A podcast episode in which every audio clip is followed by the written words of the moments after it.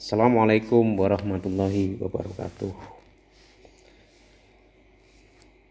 Episode kali ini saya ingin membahas tentang Khulafaur Rasyidin yang bernama Utsman bin Affan radhiyallahu taala anhu.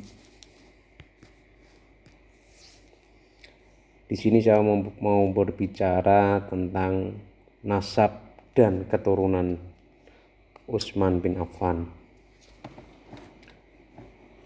Utsman bin Affan bin Umayyah bin Abdusi Syams bin Abdu Manaf bin Qusay bin Kilab bin Murrah bin Ka'ab bin Luwai bin Galib bin Fihir bin Malik bin An-Nadir bin Kinanah bin Huzaimah bin Mudrikah bin Ilyas bin Mudar bin Nizar